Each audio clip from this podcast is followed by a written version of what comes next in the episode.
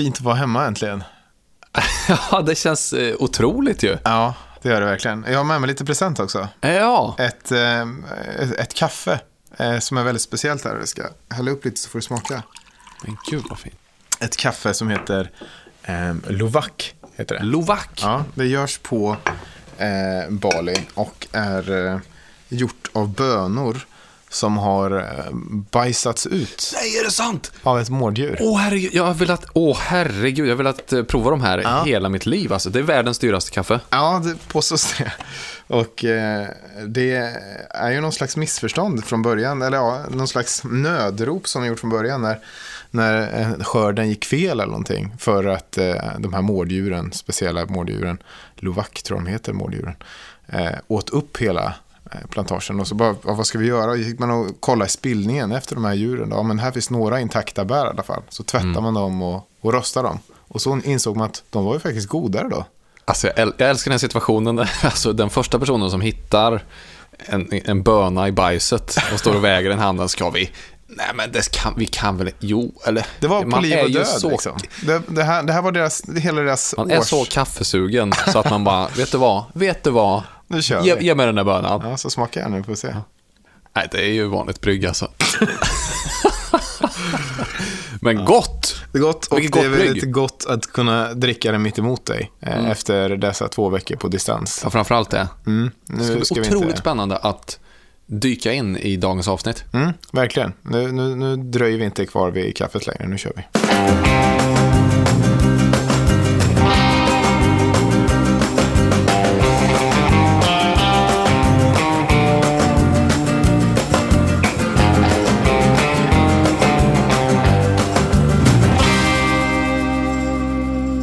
Det är ju fantastiskt att du är tillbaks från Bali. Det, det känner jag verkligen. Eh, hur känns det att vara tillbaks här i liksom Sverige? För att nu är det ju ändå januari och Mm, men det känns, jag tycker att det eh, känns skönt. Allra mest att komma tillbaka till rutinerna. Eh, För det var ju som vi pratade om förra gången, att det är väldigt svårt att resa med barn från ja, men nio månader upp till två år. Och nu så kommer vi in i ett, ett liv här, har bara varit hemma ett knappt dygn nu då, men ändå att man kan släppa ner Frank och han, man känner sig trygg med vart han kryper. Det är inga ormar som bits och han kommer inte ramla på några konstiga vattenfallsstup någonstans och sådär. Jag själv får ju våldsam panik bara av, av, ja, jag kan tänka ut så många potentiella situationer som jag tycker är extremt jobbiga med att resa eh, 28 timmar till Bali till exempel. Mm. För, för vår del är det ju jobbigt eftersom att just Frank har precis lärt sig att gå. Jag insåg ju det. Vi har försökt att skjuta liksom på det där då, att han ska lära sig. För han var sugen på att gå så han var nio månader. Och då ha- hade det varit vårt första barn som är Billy. Så hade vi uppmuntrat det och hejat på och tränat. Jag hade tränat varje dag med Billy. Inte minst för eh, tävlingsidén om att om jag får ett barn att gå vid nio månader så är det antagligen ett geni som jag har eh, liksom fostrat. Medan nu då, andra barnet är det precis tvärtom. Kryp så länge du kan så att pappa får ta det lite lugnt och liksom slippa gå runt och vaddera hela huset. Och då trodde jag att jag hade varit smart nu då, att då har jag slupp, sluppit det där som jag sett dig då i somras gå runt med Alba som en apa liksom. ja. Ständigt krökt och hålla henne i händerna så. Ja, Gud, jag har redan glömt bort det, men fy vad jobbigt det, Det var var. ju Alltså. en fruktansvärd period. Eh, Men så insåg jag, och jag trodde att det var innan de tog sina första steg. Men det är ju nu det börjar, när de har tagit de där 20 stegen. Ja, ja, ja. Det är ju då de vill börja bli, det är då man går som en krösamaja eh, hemma eh, konstant ju. Och det var det som hände på bad, det var ju det vi fick göra hela tiden då. Han ville ju konstant gå på alla konstiga trappor och ojämna höjder och så vidare. Det var ju jättedåligt. Man kunde aldrig släppa för att då visste man då, då kommer han eh, hamna med ansiktet, ögat i någon slags vass kant någonstans. Liksom. Ja, det är avklarat, nu är jag här, nu är jag hemma. Frank får gå, vi har vadderade hörn, är hemma överallt. Eh, Allt är ljuvligt. Han har också fyllt ett år nu när vi är borta. Är det sant? Ja, det visste jag inte. Grattis. Ja, Grattis Frank, hurra, hurra, hurra. Det, visste, det visste du, har du, eller du visste att han fyller ett år, hoppas jag att du visste. Jo, att det var ett år hade jag koll på. Ja, Men jag visste inte det exakt. Eller jag har datumet uppskrivet Ja. på eh, jag fick ju ett kylskåpet. sms av det. Ja, jäklar, jag visste ju visst. Ja, jag visste ju visst ja. Ja, ja, jag, jag såg det ju, jag såg det ju på SoMe. Så jag skickade ju, jag dunkade iväg ett litet Sms där. Men det är det kidsen säger nu. Man ska, man, Säger man SoMe numera? ja, men för att vi, först sa vi sociala medier, sen sa vi SOSMED, nu säger vi SoMe. är du inte med på det? Du är Nej, ändå inte helt. SoMe-expert. Ja, Kommer du säga, fortsätta säga SOSMED-expert eller? Jag, kommer, jag säger nog aldrig ordet ens. Sociala medier känns... Ja, sociala medier säger jag. men ett ord. Ja, men i alla fall, att- det har du helt rätt i. Jag, jag, jag var ju faktiskt eh, duktig där. Mm. Jag kommer ihåg. Jag skickade ett sms, ett eh, trevligt sms ändå. Jag tycker det, det här är ju ett utslag av eh, hur stressad man är som småbarnsförälder. Vad mycket man gör som man inte ens reflekterar över att man gör och Ja. vad snabbt man glömmer bort allt som man har gjort. Det är ju därför som man är i sånt stort behov av akut hjälp, alltså. Psykisk, psykisk hjälp. Ja. Och det var ju ett av våra gamla eh, uppdrag. Ja. Ett av våra gamla faderskapstest. Ja. Som på sätt och vis har glömts bort lite grann under slutet av hösten.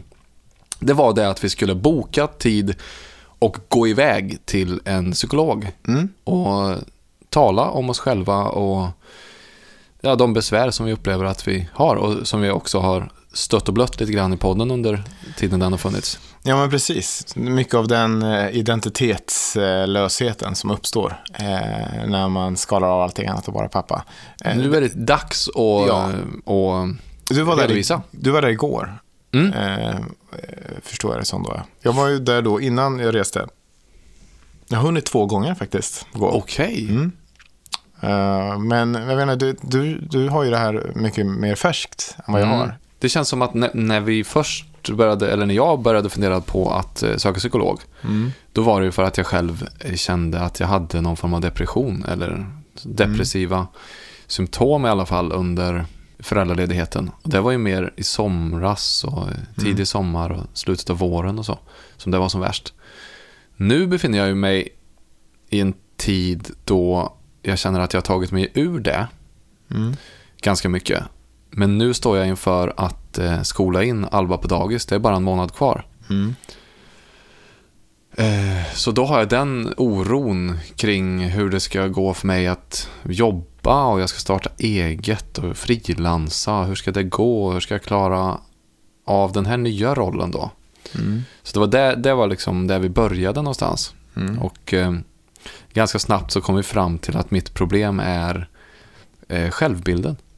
Alltså att jag har en otroligt dålig självbild. Och hon beskrev det som så att eh, varje människa har två korgar. Liksom. En korg med självkritiken och en korg med berömmet, självberömmet. Och jag är otroligt bra, jag är någon, någon form av underbarn på att kritisera mig själv, eh, menade hon. Väldigt bra på att direkt jag gjort något hitta saker med det som hade kunnat göras bättre. Mm. Jag är väldigt dålig på att landa i att, ja, att något var, var bra eller till och med godkänt. Mm. Så jag är usel då på, på att ge mig själv beröm. Fantastiskt bra på att ge mig själv kritik. Mm. Och det där trodde hon är något som förstärks eh, när man är föräldraledig. Alltså att det är en ganska farlig det är fal, en farlig fallucka för oss som har lite taskig självbild. För när man går hemma själv då i en, ett, ett, en lång tid med bara ett barn eh, som sällskap så- får man ju väldigt mycket tid att tänka helt enkelt. Mm. Och om man då har en benägenhet att kritisera sig själv när man, eh, när man tänker, Mm. Då hamnar man snabbt i en väldigt mörk och dyster spiral där. Mm. Där man till slut har svårt att hitta något positivt. Mm. Och det där slog an hos mig väldigt mycket. Jag kände igen mig. Och jag Mm. tror det beror på, alltså det är något som jag har både från bygden som jag växte upp i. Alltså Munkfors, Mm. som ju många år utsätts till Sveriges sämsta kommun. Senast i år såg jag att den utsätts till Sveriges fulaste kommun. Det är ju liksom... Ett talande exempel är när kommunen skulle anlägga, alltså man svänger aldrig in i Munkfors. För det går liksom riksväg 62 passerar förbi, man behöver inte svänga in i vår kommun. Men då ville de få förbipasserande att svänga in då. Mm. Hur ska vi göra då? Ja, men vi anlägger en eh, vacker tulpanrabatt Mm. i form av Munkfors, va? Bokstäverna. Just det, det blir skrivet. vackert. Mm. Åh, då svänger man ju in, eller hur? Ja, visst. Om du kommer att åka på riksväg 62, vad är det här för någon tulpanrabatt? Det ska vi nog ta och kika lite närmare på. Eh, ja, men då var det liksom samma dag som de anlade den rabatten så var det ju någon som planterade om lökarna så det blev ju Runkfors då va? Naturligtvis. När det spirade sen så kunde man ju se det. Men där finns det den här antiante-mentaliteten är så otroligt stark. Jag har verkligen präglats av det tror jag. Att, alltså, till och med, jag hörde en berättelse när jag växte upp om, som jag tycker är så jävla fin, om Munkfors och hur det är då att växa upp i bruksortsmiljö. Att de sa på kommunen att nu har vi fått nog av den här anti-jante attityden som förgiftar vårt samhälle. Nu ska vi ta tag i det. Nu ska vi ordna det. Ja, ja, hur ska vi göra då? då? Jo, vi låter eleverna på Forsnässkolan bygga en docka i mänsklig storlek som vi döper till anti-jante. Och eh, sen så anordnar vi en parad. När vi samlar då kommuninvånarna. Vi möts här uppe på kommunhuset. Vi har blåsorkestern är där, spelar lite eh, The Saints Go Marching In. Och vi går ner då tillsammans till bron i Munkerud och eh, så håller vi en liten begravningsceremoni och sen kastar vi i skiten va? i älven. Så att vi begraver Ante Jante. På något sätt så trodde de att den här symboliska handlingen skulle vara så stark då för kommuninvånarna. Att de skulle bara känna att ja, Ja. nu jädrar startar vi eget. Starta eget bidrag, omedelbart. Eh, Så detta genomfördes då enligt berättelsen. Och det var ju bara det att eh, bara någon dag senare så var det ju någon bonde som hörde av sig nere från liksom Blia så som bara jag, jag har hittat ett lik här. Polisen fick åka ner va? Jaha, nej, nej, det var inget lik utan det var ju Ante Jante då va som hade spolats upp. där. Så, så polisen, vad fan ska vi göra med den här då? Ja, vi, vi, får, vi får ta den eh, helt enkelt Nej, vi får ta upp den igen. Så nu, den ligger då på polisens lager helt enkelt, den här Antiante. Så inte ens det lyckades man med liksom. Alltså vilken törn till självbilden. Man känner, man kan inte göra något rätt va? Ja. Och så försöker man ändå. Och sen så blir det så fel. Det tycker jag är talande. Men, men även alltså ifrån min familj tror jag. Att man har fått den här, den här självbilden lite grann. Nu vet jag att farsan är ett stort fan till podden och lyssnar och jag vill verkligen inte peka ut, eh, Hänga ut honom. hänga Nej. ut honom eller, eller morsan eller så. Va? Men, jag, men jag tror det kan ha med deras klasstillhörighet att göra också. Att de kom från arbetarhem i någon mån. Jag tror att, ja men som till exempel det där med att börja plugga, det vågar jag ju jag aldrig. För det kändes som att mina föräldrar, ja men på något sätt fick mig att känna att ta lån är fruktansvärt riskabelt. Får absolut inte ta lån innan du är 100% säker på precis vad du vill göra med ditt liv. Och det är en ganska allvarlig fråga att besvara. Eller liksom, Okej, exakt vad jag ska göra med mitt liv. Det tog mig tio år eh, att inse att jag aldrig kommer att kunna besvara den. Så att jag bara får ta något och får välja något och sätta igång. Och ja, det där är ju ett exempel. Men jag, jag tror den där självbilden har jag i alla fall fått till arv. Eh, och jag är väldigt mån om att den får stanna hos mig. Och att jag inte för den vidare på Alba. Det var det som gick upp för mig när jag talade då med psykologen. Att det här stämmer verkligen. Men hur, men, hur menar du att det tar sig uttryck? Att du inte, är det mer att du mentalt inte vill överföra den? Eller, Ja, alltså det som gick upp för mig var att jag själv bär på den här ganska pissiga självbilden. Jag har så svårt att känna närvaro, att känna lycka i stunden, att känna tillfredsställelse. Och om jag inte tar tag i det, om jag inte på riktigt eh, skrotar den delen av mig själv, då, då, då kommer Alba att ärva det. mm, För att jag kommer inte kunna undvika att eh, lägga det på henne. Så därför så, så började vi fundera på då vad, vad man kan göra åt en sån här självbild. Mm.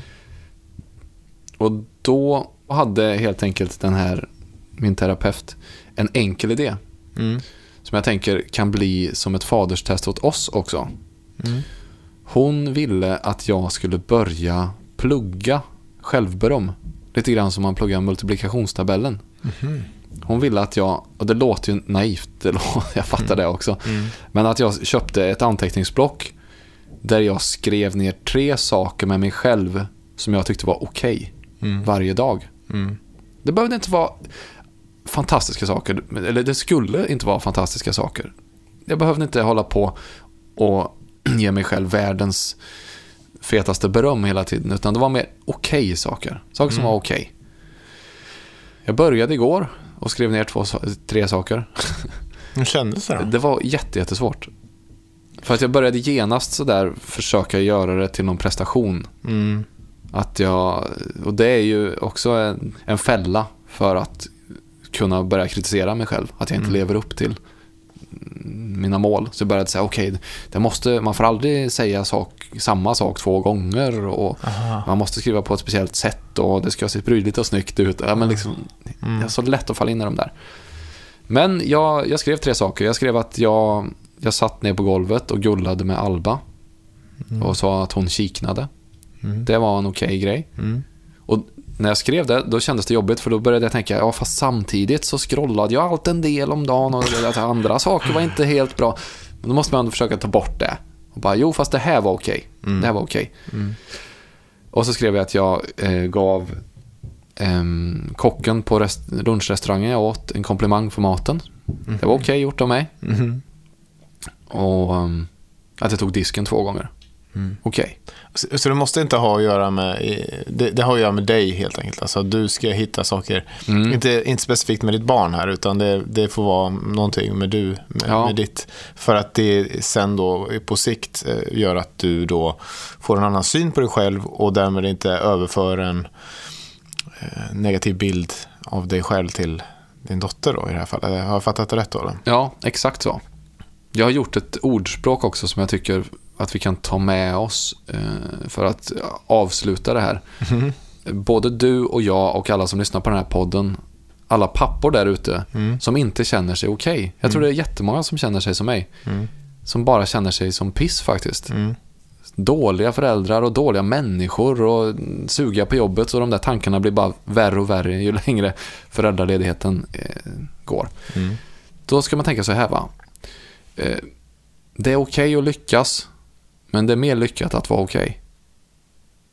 Det är okej att lyckas, men det är mer lyckat att vara okej. Ja. Brodera in det.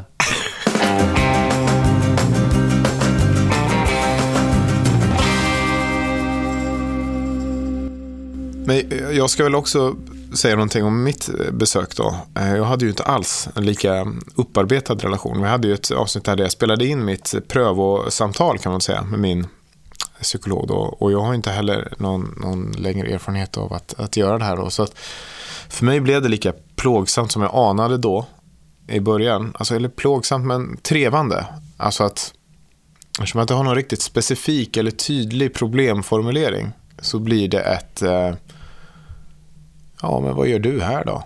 Eh, känsla i rummet. Helt eh, förståeligt såklart. Där, där jag på något sätt försöker formulera det här som man kan känna, eller som jag känner ofta när jag är ensam med barn, alltså med mina barn, att jag, man, man är otillräcklig eller att man är man känner sig eh, rastlös eller identitetslös. Det, det är så otroligt flummigt att formulera det bara när man inte är i den känslan. Mm. Väldigt enkelt när man väl sitter där, kanske svintrött och lite hungrig, Eh, att eh, formulera varför man tycker så synd om sig själv just då. Men när man inte är i det, man kanske haft en bra dag eller en okej dag, eller man kanske bara har fått gå en halvtimme eh, till den här psykologen och få tänka mm, andra tankar, fria tankar, nervösa tankar kanske. Och då har man inte kvar det där på samma sätt längre. Och framförallt då när man inte känner en person så inser man ju att det här kommer ju vara en tid, nu har vi träffats två gånger, men där man behöver bygga upp något slags eh, ömsesidigt förtroende. av att han ska veta vem jag är. Det är inte så att det finns, antar jag, någon slags handbok som passar för alla när man plockar ut så här ska du göra.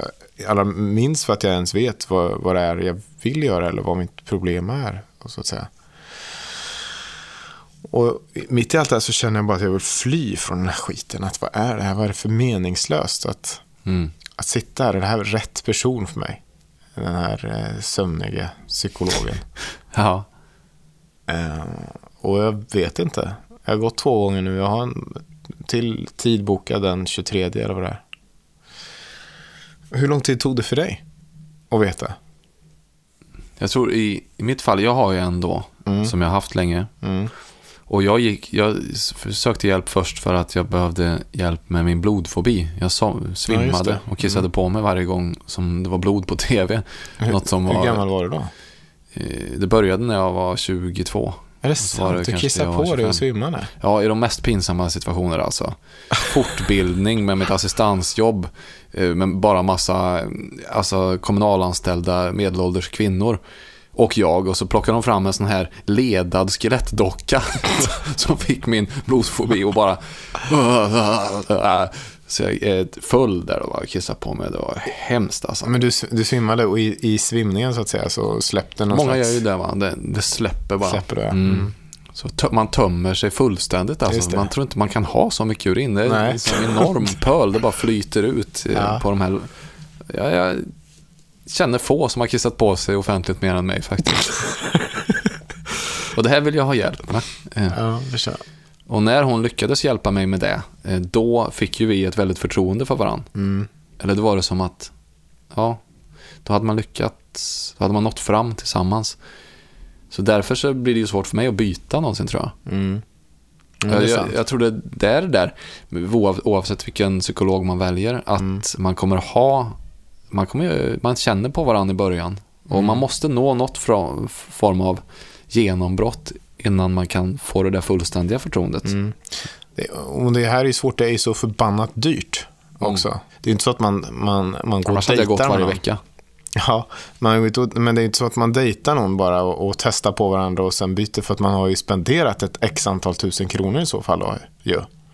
För det. Ja, men här blir, för här blir det att det är så, du investerar så väldigt mycket ekonomiskt. i- Ja, ja, men exakt. ja. Så att man är ju snabbare eh, ja, man behöver ju väl vara det antar jag. ja, Eh, att avfärda. Ja, ja men, så, så jag vet inte. Jag har inte. Eftersom jag inte gjort det här tidigare så, så vet jag inte riktigt eh, hur, hur snabb jag ska vara med att avfärda. Då. Och, och, och hur man dejtar psykolog vet jag inte heller riktigt. Och mitt största problem är kanske att jag inte har någon riktigt tydlig problemformulering. Men jag tänker att jag ska testa några gånger till i alla fall.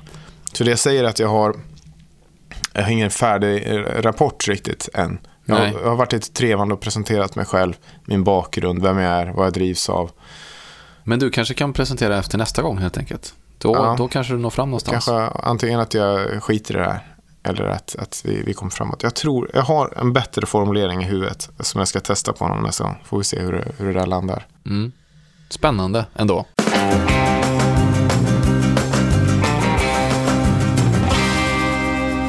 Alltså vi har, de är tillbaks.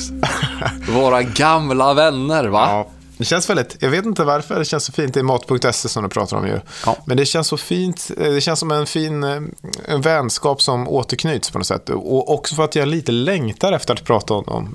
Bara, bara nu när jag är hemkommen då. Alltså hur man förr i tiden hatade och ibland när man hade väldigt goda vänner kunde ringa dem och kanske be dem fylla kylen för att man hatade att komma hem till en tom kyl. Men hur nu? Det är inga problem. Vi vet att vi kommer landa vid 11. Ja, men då fixar jag en beställning som kommer till dörren klockan kanske ett, kanske två, någonstans där.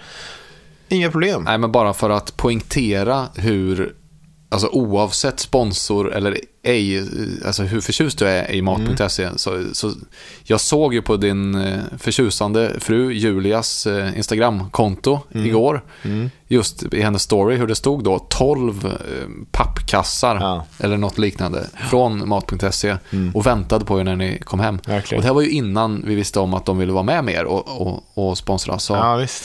så då fattade jag verkligen, shit, de här är, den, den, nästan problematiskt... Eh, relation, en, en förälskelse. Ja. Nej, men det är väldigt roligt. Det är ofattbart Verkligen. för mig fortfarande hur någon inte kan eh, eh, vara kund och använda den. Hur man kan gå till en affär och, och tycka att det är värt att strosa omkring där och lägga så mycket tid, förvisso ensamtid, men lägga så mycket tid på, på någonting som kan skötas automatiskt och komma in innanför dörren.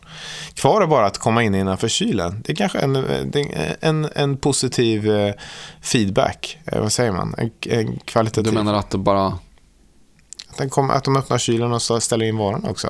Att man ger dem Nyckel. extra nyckel? då Ja, visst. Det kan de väl lösa. Att de ska då smyga in, ska man mockasiner eller liksom, hur ska de? En del problem att lösa. Ja, det är lite att lösa.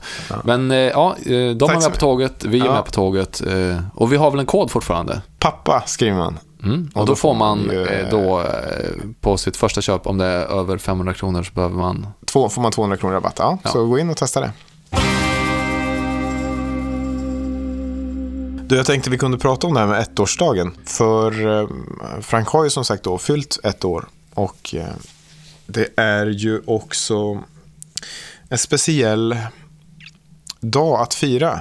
Jag såg också nu när jag kom hem att eh, det var någon som hade pratat om det i Facebookgruppen. Vi har ju en sådan för eh, pappor som heter eh, Faderskapstestet, pappagruppen va? Just det, ja, jag såg att det var någon som faktiskt sökte tips Ja. på vad man ska göra. Ja, och jag tänkte då för att vi har ju båda två eh, upplevt en eh, ettårsdag för våra respektive barn. Eller i mitt fall två nu då.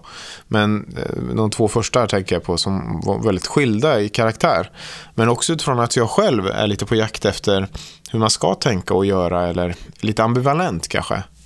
Kring just ettårsdagar. För det är ju så att Födelsedagar är fantastiskt och nu, nu med vår äldsta har vi haft fyra stycken och de tre senare har ju varit helt otroliga. Hon älskar ju att fylla år och få presenter och allt sånt där.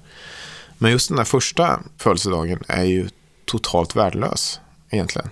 Ehm, vi, med Billy och hennes ettårsdag så insåg vi ju inte det då. Utan då var ju allting med första barnet fantastiskt och storslaget. Och vi ville bara uppleva allting direkt ju. Det var ju frustration att de första nio månaderna så var hon bara en klump som vi bar omkring på. Och vi försökte göra, vi tog med henne på bio för att de skulle uppleva det innan hon ens kunde gå. Vilket vi ju var en total katastrof. Hon bara Ja. skrek rakt igenom. Vi fick gå efter fem minuter och sådär. Man, var så, man ville så gärna att, att eh, få uppleva allt det som, som hör till föräldraskapet till. Så när vi hade kalas då, vi hade sommar, eh, hon är sommarbarn, så hade vi ju hyrt in, alltså vi hade så storslaget och min fru är expert på att göra storslagna och pampiga fester och sådär. Så det var ju en, ute på mina svärföräldrars landställe eh, som har en stor herrgård nästan. Så vi hade slagit på stort kan man säga. Vi hade ju gigantiska bufféer. Vi hade hyrt in eh, ponnysar och det var stora lekar och det var hela träd som var klädda i vimplar och det var liksom en, en fest som om vi fyllde 50. Och glassbarer och allt vad det var liksom. Eh, och, och allt mitt i det här då som Billy typ sov bort eh, nästan hela festen. För att hon var ett ju och sover mycket på dagarna.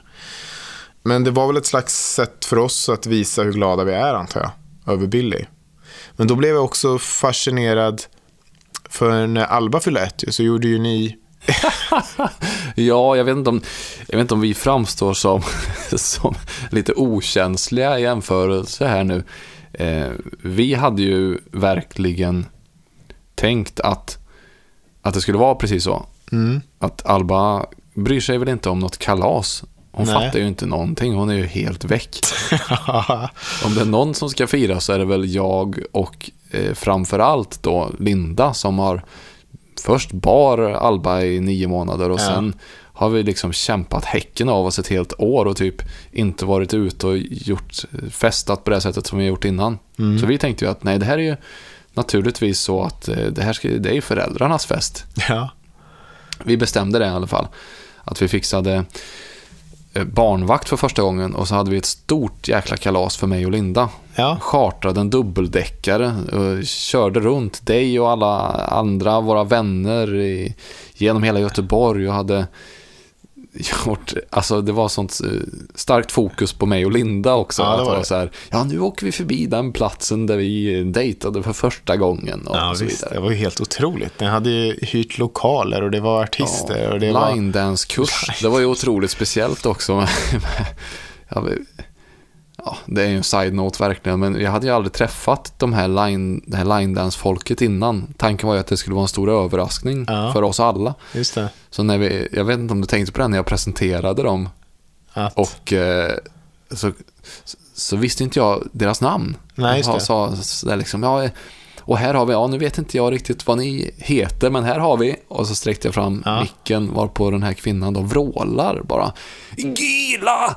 Jag är, jag är döv! Ja, just det. Han var döv. Okej, ja, ja. Um, konstig grej egentligen om man ska vara just eh, dansinstruktör, va? Att vara döv. Alltså jag fattar ju Ja. att man såklart eh, kan njuta av taktila upplevelser som döv, va? Men det är väldigt mycket stamp ju. Jag tänker att det är det man kanske Ja. njuter av då. det var liksom mycket okulär besiktning och det blev ju bra. Verkligen. Ja. Just det, hon var döv, ja. Ja, det var speciellt. Gila. Men eh, ja, det var ju så vi valde att göra det. Ja, ni hade ju en fest till er ära snarare än Alba då. Och så struntade ni i Alba kan Ja, man säga. det kan jag väl känna. För att, men sen hade vi en stor fest för Alba också för de närmsta dagen efter. Ja, stor och stor var Stor var kanske inte, nej. Men det. eh, Var, det var en bjudning här en, hemma. ja. liten, Mm. en, en liten fest hade vi. Stor vet jag inte, men, men liten var den i alla fall. Eh, Gans, väldigt liten, får man säga, eller? Men jag, jag, jag, Jag var otroligt liten den här festen. Jag vet inte om jag har varit på en mindre fest faktiskt. Nej, vi fick plats här Den, eh, runt detta den- bord som vi sitter och poddar kring nu. Jag vet inte ens om man kan kalla det fest. Men eh, nå, något var det. Ja, nej, men jag, jag sympatiserar mycket med det faktiskt. Ehm, och har ju gjort det ännu mer nu då. Med, eh, när vi har barn nummer två. Mm. Så när, eh, när han fyllde år här nu då. eh, och vi var bortresta då i, Bali och vaknade upp. Så, så var det ju mer att vi vaknade upp när han vaknade upp. Och då så satte han sig upp som han alltid gör. Och då så gnuggade vi sömnen i ögonen och så sa vi grattis Frank. Och så sjöng vi en sång. Mm. Och det tyckte han var lite kul, kul att klappa händerna åt. Och sen så sa vi till Billy, du kan inte hämta det här paketet som ligger där borta. Och så öppnade Billy det paketet åt honom. Det var någon Babblarna-figur som vi hade tagit med oss hemifrån. Och, ja, det var väl kul. Då Mm. lekte han med i fem sekunder och kastade bort. Eh, och sen var det slut. Kanske Ja. sjöng en gång till under dagen med resten av familjen vid frukosten eller sådär då. Och det var nog tårta, en liten bakelse eller någonting. Eller vad säger jag, ett ljus, en liten bakelse. och. Mm. Men det var ju mest för vår skull ju. Frank kunde ju inte brytt sig mer heller. Och jag är är lite det- ambivalent inför det här ju. Hur Ja, man ska göra nu då. Är det inte så att det här, liksom så mycket annat med, eh, med eh, föräldraskap, att det inte finns några eh, sanningar här, utan att det, det här är en flytande grej. Alltså att man, man får helt enkelt se inåt. Vad, vad har vi ett behov av? Jag tror att ni hade ett behov av att göra en superpampig fest bara för att det var ett uttryck för där ni befann er just då. Just det. Och i vårt fall så var det verkligen så att vi behövde låtsas att vi var klubbkids igen. Ehm, och, och sen ha en väldigt liten fest åt Alba dagen efter. det behövde vi då. Eh, Ja. Och eh, nu med andra barnet, ni hade redan varit igenom det här. Ert behov nu var bara att se Frank och att ge honom uppmärksamhet på hans dag. Mm. Och sen så var det tillräckligt. Det är väl, den, det, är väl det tipset man kan ge egentligen. Att bara försöka Det tror jag också. Jag är helt med på det. Nu är frågan bara för eftersom att nu här i morse när vi är hemma igen så vi konstaterat att ja, vi kanske skulle ha någon liten fest för, för Frank då. Även nu när vi är här i Sverige för, för andra så att säga. Och det är också en knepig sak vilka man, vilka man i så fall bjuder in. Bjuder man in de föräldrar som man då gillar, då blir det egentligen väldigt mycket av det du pratar om, fast i en slags märklig barnversion av det. Mm. Eller bjuder man in de som har barn då i samma ålder? Och de ska sitta i grupp så vi kan ta en fin Instagram-bild och lägga ut och så vidare. Ja, jag vet inte. Det blir lite likt en dop eller barnvälsignelse eller namnfest. Där man egentligen gör någon slags uppvisning eh, av något slag. Och det behöver inte vara fel det heller. Men det jag tänker på lite är de egna bilderna. För att man har ju, jag har- ju sett väldigt mycket foton eh, från eh, min egen och mina syskons ettårsdag. Och det är ju någonting speciellt. Kommer du ihåg ditt, ditt foto? Att, att du har sett något foto från ettårsdag? Nej, jag tror nog att mina föräldrar gjorde samma upplägg som, som vi, jag och Linda Är det gjorde i alla fall. Ja, det var nog nå- något väldigt li, litet. Har du aldrig pratat om det Liten när jag bläddrat? tror jag det var. Jag tror de hade en liten grej, en liten fest eller soaré eller supé eller vad man, frukost. Ja. Frukost med macka. En mack, någon macka var det nog. Ja. Nej, jag har aldrig sett bilder i alla fall. Jag vet att jag det. har, har någon bild från när jag sitter vid något bord och de har ställt fram en stor chokladkaka med ett ljus i. Då. Och att storyn hela tiden har varit att ja, vi gjorde en jättefin tårta men du fick aldrig äta den eftersom att du inte fick äta socker innan du var, du var ett år. Jag vet inte, man kanske bara ska göra någon typ av... Det kanske är för foton om man gör de här grejerna egentligen. Alltså för manifestationen. Man har kalaset bara för att skapa en berättelse till mitt framtida 30-åriga jag. Att, att minnas att jag, de brydde sig i alla fall om mig. Jag minns det inte då, men, men att det var, kan vara fint för mig efteråt. Så det är frågan Ja, då. just det. Du tänker att vi gör någon form av kuliss bara. Mm. Att vi står med oss ut i en park och bara snabbt nu allesammans, tio minuter, sen är det här över. Alltså. Du går och sätter dig. Ja, le, leende sa jag, okej? Okej. Nej, det jag säger är väl att allting är en kuliss för våra Ja. minnen eh, sen, så att säga. Alltså, Mm. det här är en väldigt fin story tycker jag, som jag tror säkert att Alba skulle uppskatta. Och kommer uppskatta. Kanske inte om 10 år, men om 30 år kommer hon säkert förstå. Du, det, det, tar, det kommer ta 30 år för henne att för, förlåta egentligen då eh, det stora sveket.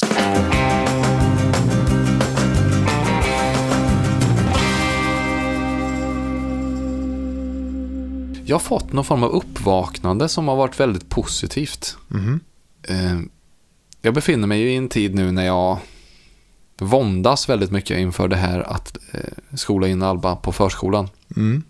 Vi kommer ju prata mycket mer om det såklart. Det, det kommer ju uppta hela min, mitt faderskap eh, Mm. Det är bara några månaderna kvar som kommer. Men ja, precis. Det är några veckor kvar nu innan jag påbörjar det Mm. steget. Och jag har ju känt hela tiden, alltså under min, mitt faderskap, att det känns jobbigt tanken på att jag ska lämna bort mitt barn till förskolan.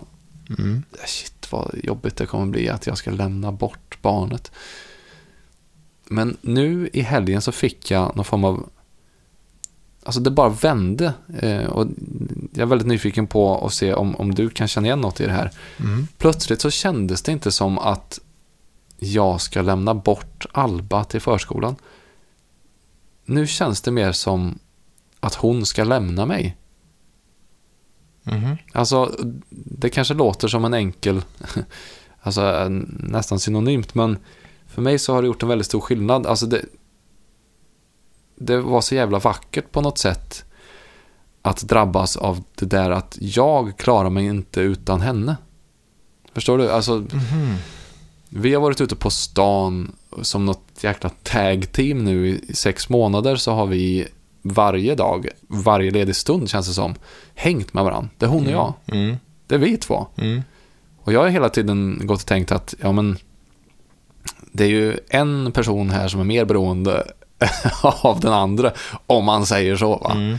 Det känns ju kanske lite mer som att det är jag som tar hand om henne va. Mm, just det. Men nu är det precis som att allt det där har vänt och plötsligt så känner jag, shit, hur ska jag klara mig utan henne? Ah, Hon tar ju hand om mig på något sätt. ja, just det. Det Jag har börjat känna när jag går på middagar eller i sociala sammanhang utan henne att jag är lite bortkommen och lite det är halv. något som saknas här. Min eh, uppgift eh, är inte att vara här utan min uppgift är att vara med Alba och att vi, det är vi, vi är bästa kompisar. Mm. Och det på något sätt då, även om det är sorgligt och läskigt och gör mig svinnervös och kraftigt ångestriden, just att jag känner att jag kommer inte klara, klara mig utan henne, Mm. så är det också någonting jäkligt fint för att det betyder ju att den här tiden har varit bra. Mm. Jag tror det är det som är liksom kanske den största gåvan med föräldraförsäkringen och föräldraledigheten. Att man kan drabbas av den insikten. Mm. Att det är faktiskt inte de som är beroende av oss, alltså vi är beroende av dem, Mm. barnen. Också något bitterljuvt och sorgligt i det här att man bara får hälsa barnen välkomna en gång i livet egentligen, när de kommer, när de föds. Och sen från två års ålder, ett och ett halvt års ålder, så börjar avskeden. Och sen så är det bara en lång rad av avsked liksom. Mm. Att det är det första, första av, avskedet i en lång rad av avsked. Men, och det ger dig, det ger dig tröst då på något sätt? Inte det där sista. Verkligen inte det där sista. Det tycker jag känns jättemörkt. Men är det en tröst kanske i att du känner att du inte är så cyniskt lagd som du kanske trodde? Att du faktiskt har... Ja, men trösten är att jag tycker det är så underbart att jag själv fattar alltså värdet. Mm, Hur viktig Alba är för mig. mm. Just det. Hade du... Lite slentrianmässigt så har man ju hela tiden tänkt så här att ja men det är Mm. klart och hon Ja, just betyder så allt och jag älskar henne så mycket och så vidare och så vidare. Men det är ju faktiskt i de här mer konkreta situationerna som det blir tydligt på riktigt och sjunker Mm. in på något Verkligen. djupare plan. Ja, och det är fint att du känner det nu. För mig blev ju, förstod jag det kanske allra mest när jag faktiskt lämnade på förskolan och tänkte att det är väl ingen fara, hon gråter lite och det går över. Men att se att hon gråter ehm, och jag lämnar henne, drar henne ur min famn och liksom trycker henne i någon främmande förskolepedagogs famn och går och hör henne skrika pappa, pappa, liksom gråtandes, snorandes. Och jag försöker gå och titta rakt fram så mycket jag kan. För att hon, om jag vänder mig om så kommer hon se liksom hur jag storbölar. Och det, där, då, då fattar man Mm. verkligen vilket band det är man har skapat. Oh, ja, det har jag framför mig. Ja, men det, kommer bli, det kommer bli tufft. Det blir väldigt spännande att följa det. det är, är det två veckor kvar nu? Tre veckor kvar är det Tre nog. veckor. Men absolut, det blir spännande att följa det och det är härligt att vi är igång igen. Verkligen. Tillsammans på det här sättet. Nära. Intima. Vi tar en eh, kopp kaffe till och fortsätter eh, med vårt personliga eh, samtal. Men, men så, så hörs vi eh, i podden igen nästa vecka. Ja, det är kul att ni lyssnar.